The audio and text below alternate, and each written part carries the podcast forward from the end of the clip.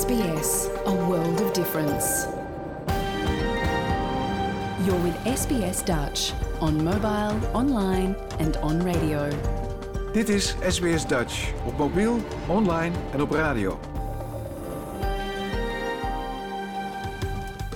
Graag erkennen wij de traditionele eigenaren en verzorgers van het land, van waar we vandaag SBS Dutch uitzenden, en uiten we ons respect aan de Camaragal mensen van de Kurungay Nation en hun ouderlingen uit het heden en het verleden. Ook kennen we de traditionele eigenaren van alle Aboriginal en Torres Strait Islander landen, van waar u vandaag naar ons programma luistert.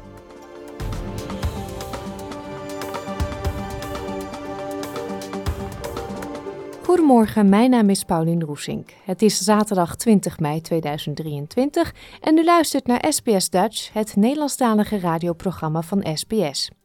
Vandaag bellen we met Machtel Irons over haar Nederlandstalige rondleiding door WA Art Gallery. Verder een gesprek met Dr. James Hunter, conservator Naval Heritage and Archaeology bij het Australian National Maritime Museum, over zijn tweede zoektocht naar het wrak van het Nederlandse schip Koning Willem II. En onze eigen EKI vertelt over drie nieuwe podcastseries. We hebben een settlement guide over identiteitsdiefstal en het willekeurige wekenoverzicht en muziek. Maar we beginnen met nieuws over het vogelbekdier. Het vogelbekdier is een van de meest unieke en iconische diersoorten van Australië. En het is onlangs opnieuw geïntroduceerd in het oudste nationale park van het land, net ten zuiden van Sydney. Het is een belangrijk moment voor het vogelbekdier nadat het ongeveer een halve eeuw geleden uit het gebied was verdwenen. SBS Dutch. Deel onze verhalen op Facebook. Sinds de jaren 70 is het vogelbekdier niet meer waargenomen in het Royal National Park. Maar daar kwam vorige week, met de vrijlating van vier vrouwtjes, verandering in. Het is een eerste poging om de platypus terug te brengen in de natuur van New South Wales. Later zullen nog eens zes vogelbekdieren worden vrijgelaten. Het bijzondere diertje wordt steeds meer bedreigd door vernietiging van leefgebieden, aantasting van rivieren, wilde roofdieren en extreem weer. Tani Hawkey, een postdoctoraal onderzoeker aan het Center for Ecosystem Science aan de University of New South Wales, zegt dat de aanwezigheid van de platypus ook het behoud van rivieren zal bevorderen. So rewilding uh, the platypus is likely to become um, a real significant uh, conservation management tool in the future of this species. Um, with the anticipated increases in the severity and frequency of drought, it's likely that some of their homes will dry out, uh, meaning that we will have to intervene and move those individuals to areas uh, where they can thrive. Um, and so this project is a really important stepping stone in better understanding how we do that and how we relocate those individuals so that they have a better chance of survival in the future. Uit recent onderzoek van UNSW blijkt dat het aantal vogelbekdierwaarnemingen in New South Wales de afgelopen 30 jaar met bijna een derde is afgenomen. Het leefgebied van het vogelbekdier is met bijna een kwart afgenomen. Het herplaatsingsproject is een samenwerking tussen UNSW, Taronga Conservation Society Australia, World Wildlife Fund Australia en de New South Wales National Parks and Wildlife Service.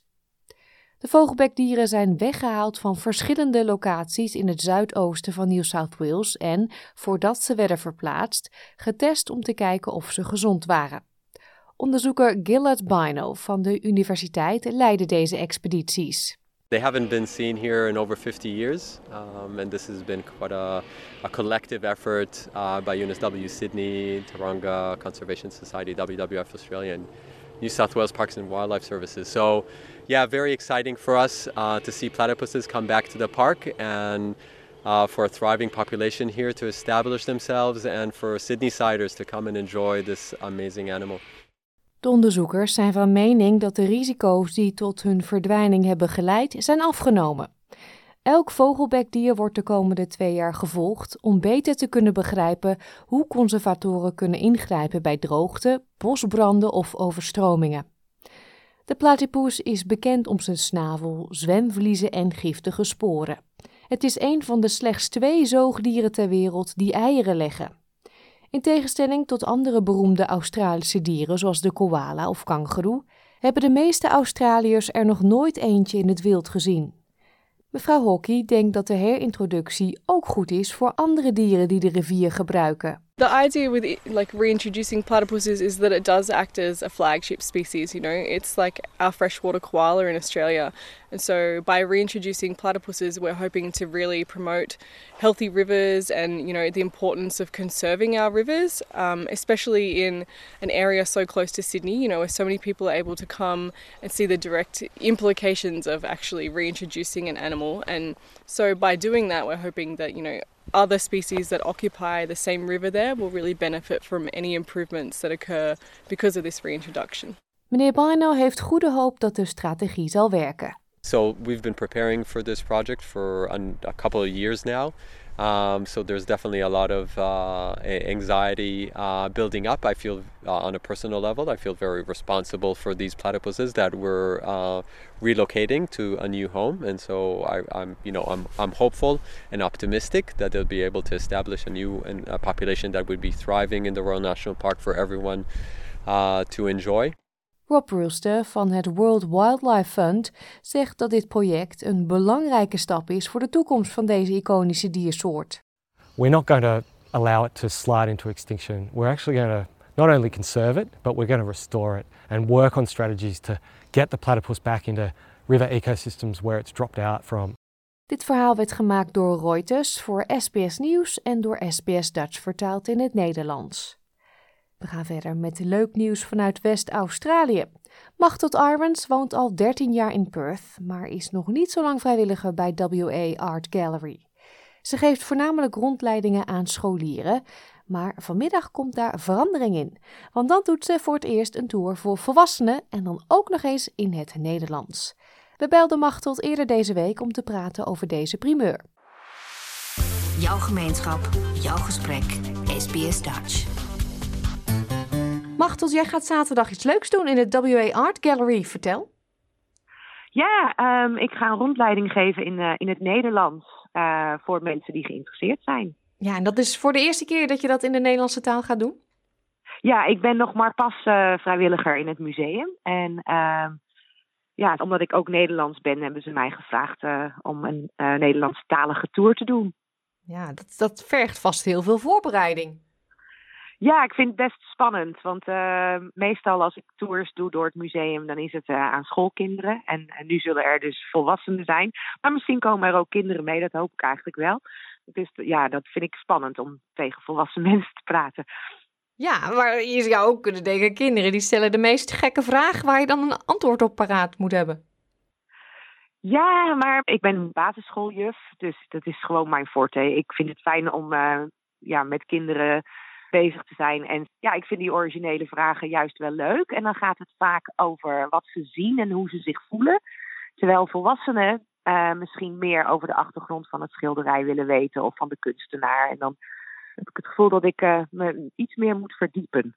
Ja, is het dan niet makkelijker om dat dan wel in je eigen moedertaal te kunnen doen? Uh, ja, misschien wel. Maar ik, ik, ben met een Engelsman getrouwd, dus Engels is vrij gewoon voor mij ook. Maar ik vind het wel heel leuk om het in het Nederlands te doen. Ja. ja. Kan je wat vertellen over het uh, Art Gallery? Wat, wat voor een kunst is daar te zien? Ja, dus het is de Art Gallery van uh, West-Australië. Um, het is vooral schilderijen, beelden. Er is een, een rooftop, dus een, een, dak waar beelden te zien zijn. En de tentoonstellingen wisselen elke paar maanden. Dus het is goed om regelmatig, als je in West-Australië woont, om regelmatig even te komen kijken. Er zijn, uh, op het moment is er een hele mooie tentoonstelling van een Japanse kunstenaar. Er is een tentoonstelling van de studenten van hun laatste jaar middelbaar onderwijs. Um, er is altijd heel veel Aboriginal en Torres Strait Islander kunst. Er is een tentoonstelling van vrouwen uit de jaren 50, 60. Dus echt ja, gefocust op vrouwen uh, die kunst maken. Want vaak worden die vergeten. Dus ja, er is uh, heel veel te zien en te doen altijd. Ja, en de tour die jij dan gaat doen, ga jij langs al die tijdelijke tentoonstellingen of ga jij door het hoofdgebouw? Het is het hoofdgebouw. Um, en er is één tentoonstelling die hangt er nu al heel lang, maar volgens mij gaat die ook in november weer veranderen. Dus er is eigenlijk nooit echt een. Ja, de beelden op het dak, die zijn echt wel vast, want die zijn veel te moeilijk te verslepen. Maar er is nooit echt een vaste tentoonstelling. Wat ik op zich heel stiekem, ik weet niet of ik dat mag zeggen, maar wel jammer vind. Want we hebben echt wel een paar pronkstukken en die zijn niet altijd te zien. En dat is wel eens jammer. Ehm, maar ik mag met zo'n tour mag ik zelf kiezen wat ik laat zien. Sommige mensen komen misschien voor het eerst. Dus lijkt het me leuk om in elke galerie wel iets uit te kiezen wat, uh, wat bijzonder is. Zodat mensen een idee krijgen van de hoogtepunten van wat er hangt op dit moment. Ja. Zaterdagmiddag 20 mei om 2 uur. Je moet je wel even aanmelden als je wil komen, ook al is het gratis. We zullen een link zetten op onze website www.sps.com.au Dutch. Ik vroeg me af, hoe ben je eigenlijk daar zo terecht gekomen als vrijwilliger? Uh, mijn vader is kunstenaar en ik hou heel erg van kunst. Ik ben schooljuf. En heel veel van die tours worden dus ge uh, georganiseerd voor schoolkinderen. En ik dacht, nou, dat lijkt me dus ontzettend leuk om erbij te doen. En je moest echt solliciteren. En ik heb een jaar lang training gehad. Elke andere vrijdag moesten we dan uh, naar de art gallery. En dan kregen we heel veel les over kunst. En uh, hoe je moet toeren, welke vragen je moet stellen. Dus het was heel interessant. Ik heb hele leuke mensen ontmoet. Dus uh, ja, ik vond het fantastisch. Dus ik vind het ook heel leuk om nu echt te mogen toeren. Want ik ben wel officieel um, dan geslaagd ook. Wauw, dat klinkt dat echt heel, officieel allemaal. Ja, en officieel. Ja, ja. ja, dan kan ik me ook wel voorstellen dat je toch wel een beetje zenuwachtig bent, inderdaad. Een, beetje wel, maar ik hoop wel dat er veel mensen komen. Want ik wil heel graag laten zien wat we hebben in West-Australië. Het is echt wel de moeite waard. Ja, nou, wilt u met Machteld op tour?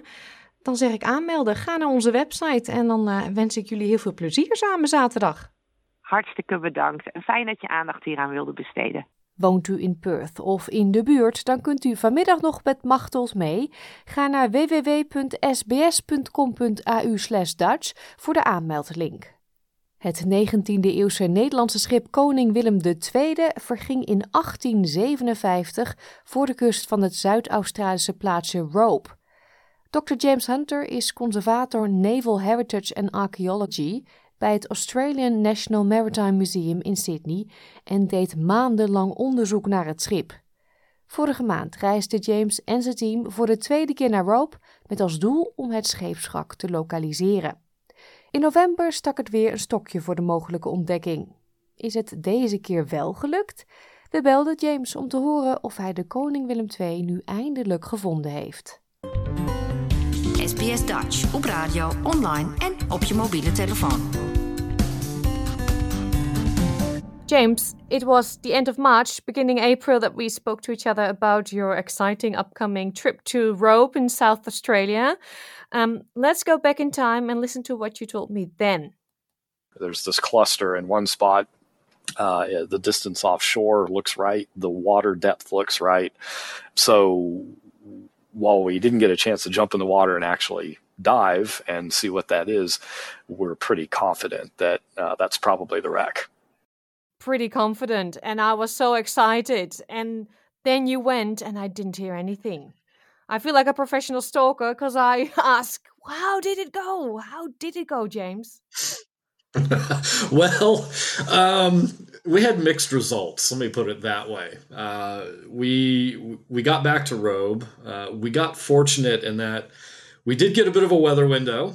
Um, turned out to be a lot shorter than it was appearing through the weather forecasts. Um, and this time we got back in the water, or we got in the water, I should say. So. First off, we went ahead and we ran the magnetometer back over the same area where we had picked up that cluster of anomalies uh, last time. And we did uh, pick them up again. So that was good. That was good. That, that was a, a, test to make sure that our equipment wasn't potentially malfunctioning and giving us false readings. So there's definitely something there. Uh, there's a lot of large iron objects there because we're getting some fairly sizable magnetic hits in there. Um, so that was good. That was a, that was a plus. Confidence still there. Confidence is still there. That's right. Running high, looking good. So we, uh, once we had done that, we we buoyed off an area around the two largest magnetic contacts that we picked up, and we got divers in the water.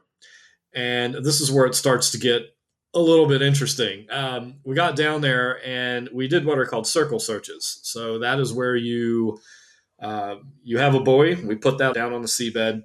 Uh, we take a, a, measuring tape, a real tape, and we run out at about five meter intervals. So we would go out five meters from the buoy, and we do a circle all the way around it, inspecting the sea bottom uh, as we're doing that. And uh, once we did a complete sweep, then we'd go out another five. We do the same thing, and we just keep repeating that cycle, going out further and further each time. And we had three divers, uh, one aside, you know, alongside each other. So we were spaced out probably two meters apart. Um, and we did a very comprehensive search around both those large magnetic anomalies, and we didn't see anything. oh no! But how do you search? Is it like with a with gloves, a brush? How, how does that work? We're searching visually, so we're actually looking at the seabed, uh, looking for anything that appears, pardon the term, shipwrecky.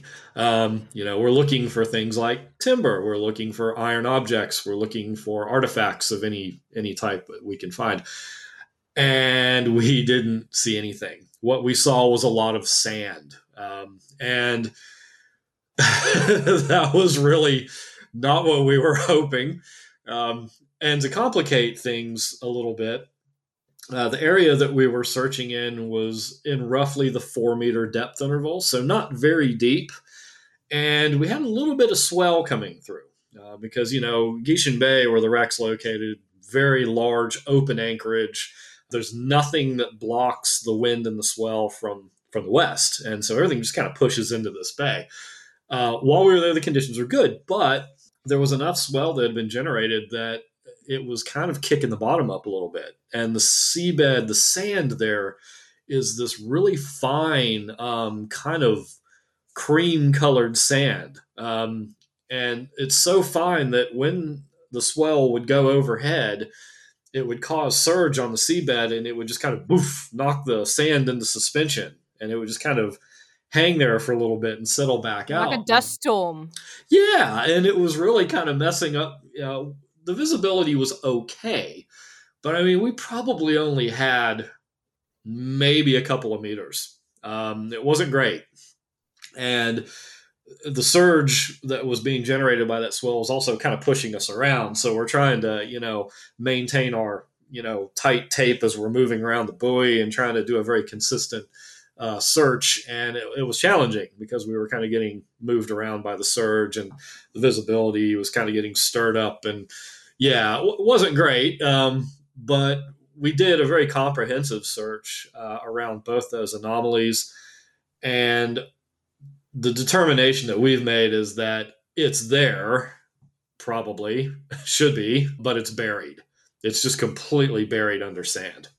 Yeah, because you could not see anything with the bare eye, but there is something there's something there. Now, the following day, we went ahead and thought, well, all right, we didn't see anything, so let's kick this up a notch. Um, so we brought along underwater metal detectors. And so the idea was we'd get back in the water, we've got the metal detectors, and we'd sweep with the metal detectors and we try to isolate where we're getting these anomalies. And the metal detectors penetrate almost down to a meter beneath the seabed. So we figured if there was something there that was shallow enough, we should be able to pick it up. So we had a team get in pretty early in the morning because uh, we knew the weather was going to change later that day. But unfortunately, even that early in the morning, the, the swell had increased slightly. It had come up about a half meter overnight. And the surge was so bad that they couldn't metal detect. Uh, they were just getting thrown all over the place trying to, you know, do their work. And so they gave it a go, but ultimately came back up and said, "Look, we can't work in these conditions. They're they're pretty bad, and the visibility had been diminished even more because of all the sand just getting stirred up by the by the surge." So. Yeah, um, so we we didn't really get a chance to finish the metal detecting, and um, so it's unfinished business basically. We we we would like to get back and do that. Yeah because you had a week time. We did. Well we had we had yeah we had about um had about five days down there but out of those five days we were only actually able to get in the water two. And it was a shame because the weather predictions were looking good. We it really looked like it was going to flatten out quite nicely uh, while we were there but it ended up changing. And and that's the nature of working down there. The weather is very fickle and uh, you can think it's going to be nice and then it will turn around and tell you otherwise very quickly. So at least we got in the water. I was pretty happy with that. But the disappointment must have been there too. Oh yeah. I mean i i had these really sort of grandiose visions of us getting in the water and and seeing you know some big iron object sticking up above the seabed like a mass section or something. We go, ooh, there it is. You know, we know what we've got, but uh, that didn't happen. so No. yeah, a little frustrating. The Koning Willem II doesn't want to be found.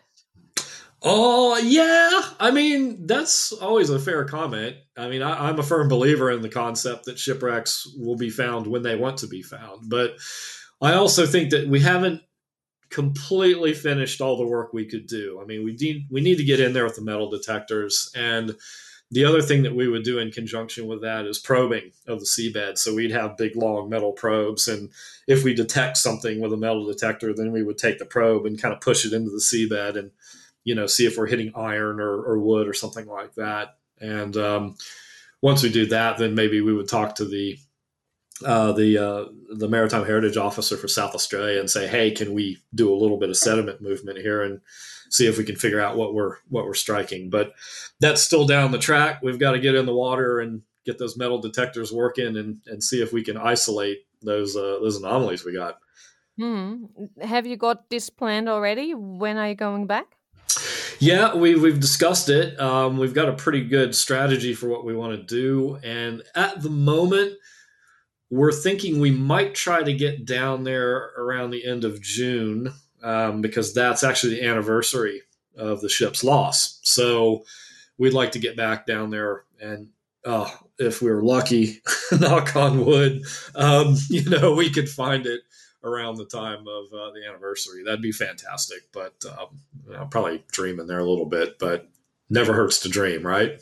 I think you have to start talking to the gods of weather because they are the ones that yeah, uh, it is true. blocking you. That's right. They're holding us back. Yes. Well, thank you so much for this update, James. And um, well, we'll find you again in July to talk about your next search. No, it sounds good. Well, I'll definitely keep you posted, and yeah, hope the hope luck's with us again. I mean, it's incremental. We're getting there.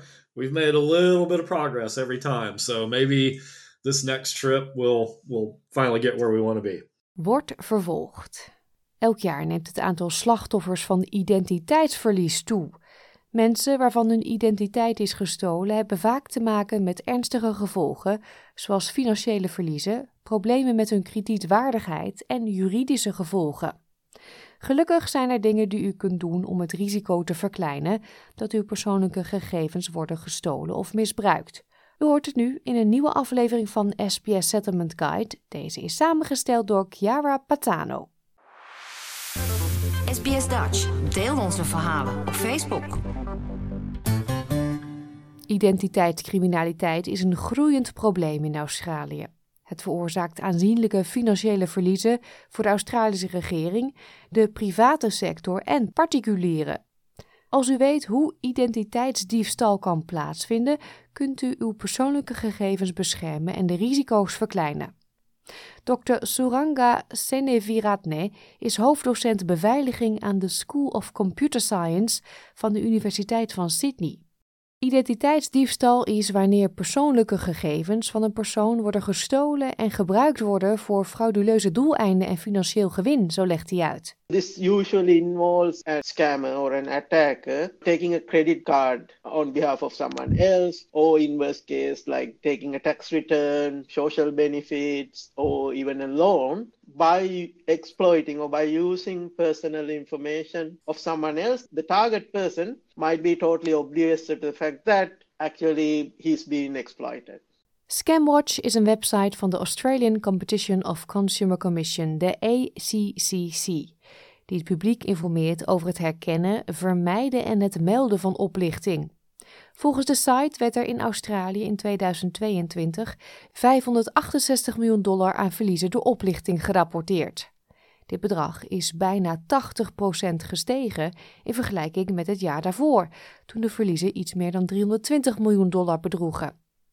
Aangezien slachtoffers van zwendel niet vaak melding maken bij de autoriteiten, denken experts dat het werkelijke bedrag nog veel hoger is. Er zijn veel manieren waarop identiteitsdiefstal kan plaatsvinden. Manieren om gegevens te stelen zijn bijvoorbeeld phishing, skimming, social engineering, hacking en dumpster diving. Identiteitsdiefstal kan zowel online als offline plaatsvinden. De plaatsvervangend voorzitter van de ACCC, Catriona Lowe, zegt dat veel minder belangrijke beetjes informatie samen heel nuttig kunnen zijn voor oplichters. Things like your name, your address, your phone number on their own probably can't do a lot, but potentially when combined with other pieces of information, they become more powerful. There are identity documents that are particularly sought after. So, the ones to be particularly careful about are driver's license, passport, and Medicare card. But even simple documents like old bills or bank statements can still provide some valuable information. Oplichters kunnen via openbare bronnen mogelijk meer over u te weten komen. Dr. Low zegt dat dit ook gaat om sociale media-accounts waarop foto's en andere informatie over uw familie staat. We hear of instances where scammers might utilize photographs from a social media feed or other details that again can be used to pad out, if you like, the fake picture that the scammers are creating. So, again, the message really is be very careful about sharing personal information. Wat kunnen cybercriminelen doen als ze deze informatie eenmaal hebben? Dr. Low zegt dat dit afhangt van de kwaliteit en de hoeveelheid persoonlijke informatie die de oplichters hebben verzameld. They might access and drain your own bank account. They might open new bank accounts in your name or take out loans or lines of credit. They might take out a phone plan or other contracts. They might seek to purchase expensive goods in your name, gain access to online government services, try and access your email to get even more sensitive information. They might access your social media account and impersonate you, or indeed, they might use that identity as the foundation of new scams. Dr. Low raadt aan om eerst twee keer na te denken voordat u uw persoonlijke gegevens invoert op een onbekende website. En daaronder vallen ook online winkels. Don't open suspicious texts or emails and don't click on links in those emails. Delete the emails or the text. If you have received a contact from an organisation, if you're wondering if it's legitimate, don't use the details in the text or in the message. Independently verify the contact details of the organisation. Sarah Kavanagh is de manager Community Outreach bij ID Care, de nationale identiteits- en cyberondersteuningsdienst van Australië en Nieuw-Zeeland. Ze raadt aan voorzichtig te zijn met telefoontjes waarin om uw persoonlijke gegevens wordt gevraagd. Being very wary of callers or emails requesting that you provide remote access to your computer or mobile device.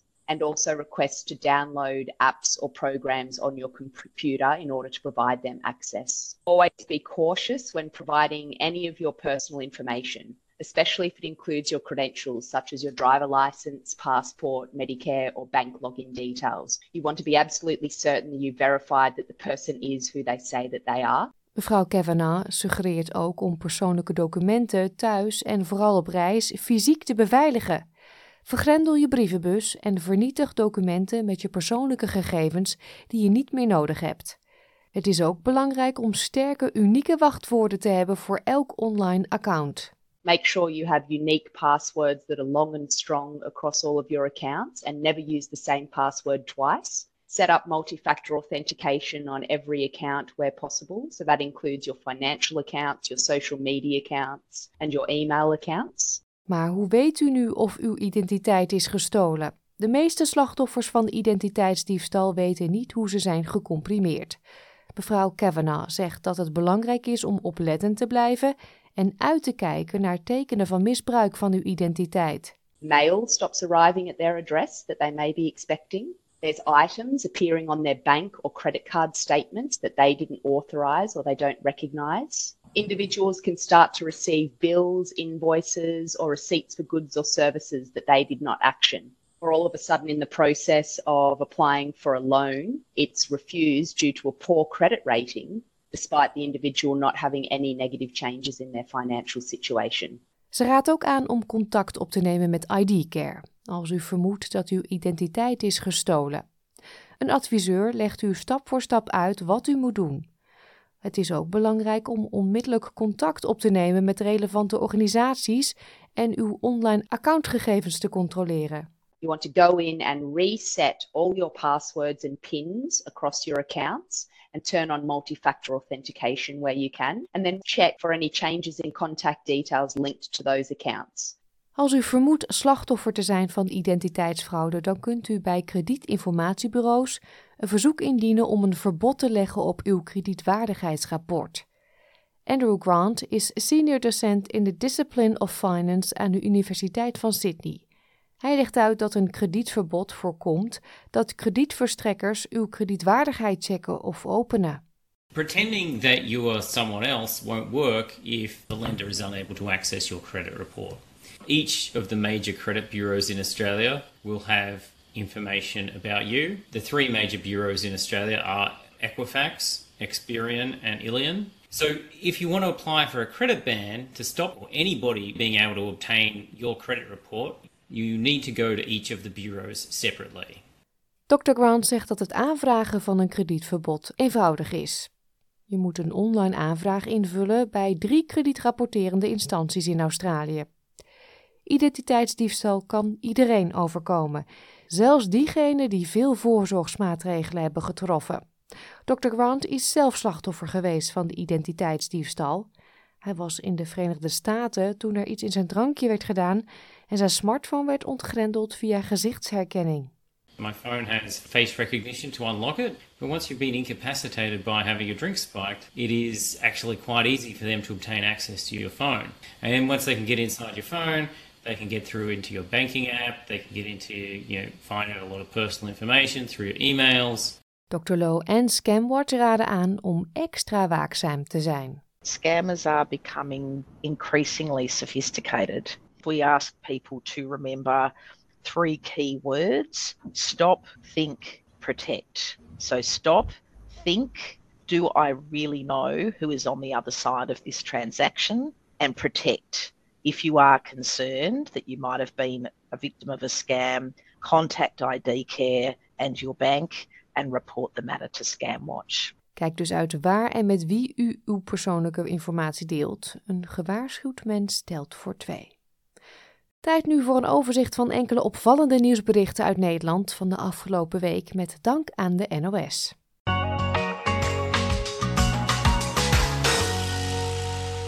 Groot feest in Rotterdam, want afgelopen weekend werd Feyenoord voor het eerst in zes jaar weer eens landskampioen in de eredivisie voetbal. Supporters verzamelden zich in het centrum van de stad om de titel te vieren. Ja, ik denk uh, kampioen hè. En, en niks anders. Gewoon niks aan te doen. En terecht. Volgend jaar Champions League. We gaan het zien. Kapot. Hoe blij zijn jullie? Hoe blij zijn jullie? Ja, niet te geloven. Ik heb het gehuild hè. Ik huil nooit. Ik heb het gehuild. Geloof me. Hij lief. Hij Feyenoord! Ja! Ja! Kijk het sfeertje om je heen, het is echt mooi. Nu is leuk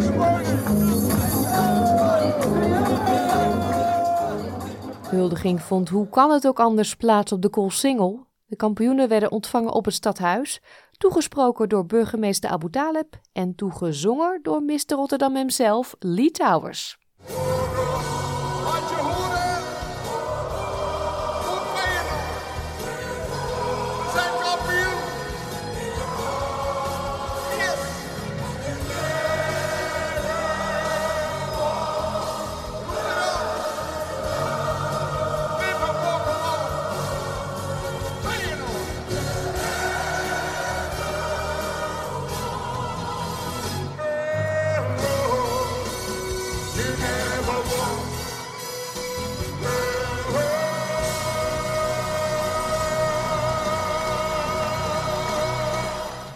Van Rotterdam naar Amsterdam. De UVA was dinsdag het toneel van een klimaatprotest. Studenten hielden een hal bezet omdat ze onder meer vinden dat hun universiteit alle banden met de fossiele industrie moet verbreken.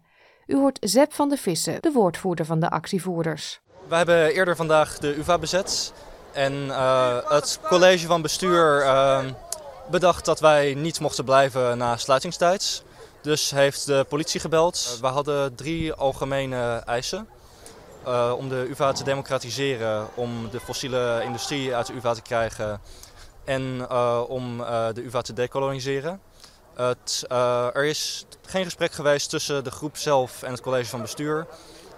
En ja, we zijn eruit gezet. 42. Bij het ontruimen van het gebouw werden in totaal 14 mensen opgepakt. In Australië doet men niet aan Hemelvaartsdag, in Nederland wel. Een dag die voor veel mensen begint met dauwtrappen, een hele vroege fietstocht. Het is ook vaak het moment dat veel mensen naar de camping trekken om daar het lange weekend door te brengen. Dit jaar werd Nederland getrakteerd op een zonnig hemelvaartsweekend en dus nam de NOS een kijkje op een camping in Voorne-Putten, waar de toestroom van toeristen al goed te merken was. Beter kan het eigenlijk niet. Eh, we waren hier met Pasen, toen was het vrij nat, maar nu uh, ja, super weer. Dus op het gemakje alles opzetten. Dat komt helemaal goed. Hij heeft de leiding en ik volg, hè? Dat is normaal in het normale leven niet zo hoor, maar nu wel. Alleen maar op de camping? Alleen op de camping, precies. De rest neem ik het weer over. Echt genieten, ja. Lekker niks. Dus uh, helemaal leuk. Twee, één, twee uur duurt het wel hoor. Oh, totaal om het op te bouwen? Ja, anderhalf, twee uur. Maar ja, we hebben, voor de rest hebben we tot na de Pinksteren hebben we vakantie. Hebben we de tijd, maar het is altijd een puzzeltje. Ja. Maar, maar en het is goed voor je huwelijk ook. je bent heel veel buiten en je kunt hier heerlijk fietsen. Dus wij uh, pakken straks de fiets als we klaar zijn natuurlijk. En dan gaan we lekker met z'n allen een rondje maken. En dus even lekker een terrasje pakken. Nu kan het allemaal. Lekker chillen. Beetje gezellig met de buurtjes. We hebben een heel leuk hoekje. En mijn dochter staat daar ook. Dus uh, ja, ik geniet hier gewoon van uh, het buiten zijn. Het kabinet en landbouworganisaties hebben deze week een marathonoverleg gevoerd met als doel een landbouwakkoord te sluiten. Tot een akkoord kwam het niet, maar volgens minister Adema van Landbouw is er wel vooruitgang geboekt. Het is een belangrijk moment omdat wij wel een zodanig concept hebben dat we dat doorsturen naar het planbureau voor de leefomgeving om uh, een appreciatie hierop te geven. Maar er zijn ook nog belangrijke punten waar we nog niet uit zijn. En dan gaat het bijvoorbeeld over de financiering van landschapsdiensten. de boer die aan natuurbeheer doet en daar de financiering van op lange termijn. Het gaat ook om de bescherming van boeren die door willen. De, de jonge generatie. Hoe kunnen we ervoor zorgen dat hij ook in de toekomst kan blijven boeren en dat hij ook zekerheid heeft. Het was een lange dag, 24 uur. Uh, nou ja, we lachen, dat is, dat is goed, want we zijn denk ik ook wel moe. Uh, we hebben lang onderhandeld. We zijn echt verder gekomen. We zijn ook in de afgelopen 24 uur echt verder gekomen. Maar we zijn er nog niet. En tot zover dit willekeurige weekoverzicht van deze week met dank aan de NOS.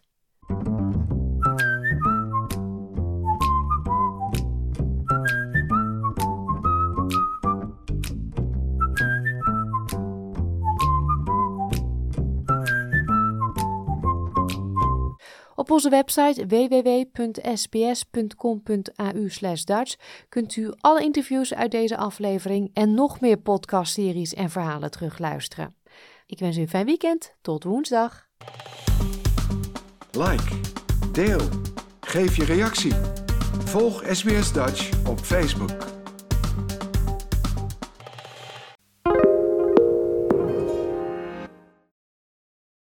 SBS is Australia's most trusted multilingual broadcaster. Our listeners are loyal, highly engaged, and have supported countless local businesses. We offer advertising packages for businesses of all sizes. Our experienced sales team will guide you through the process of owning a great campaign. Bring your own ad or have our production team make you something in one of our 68 languages. Start the conversation with your new audience today. Email sales at sbs.com.au.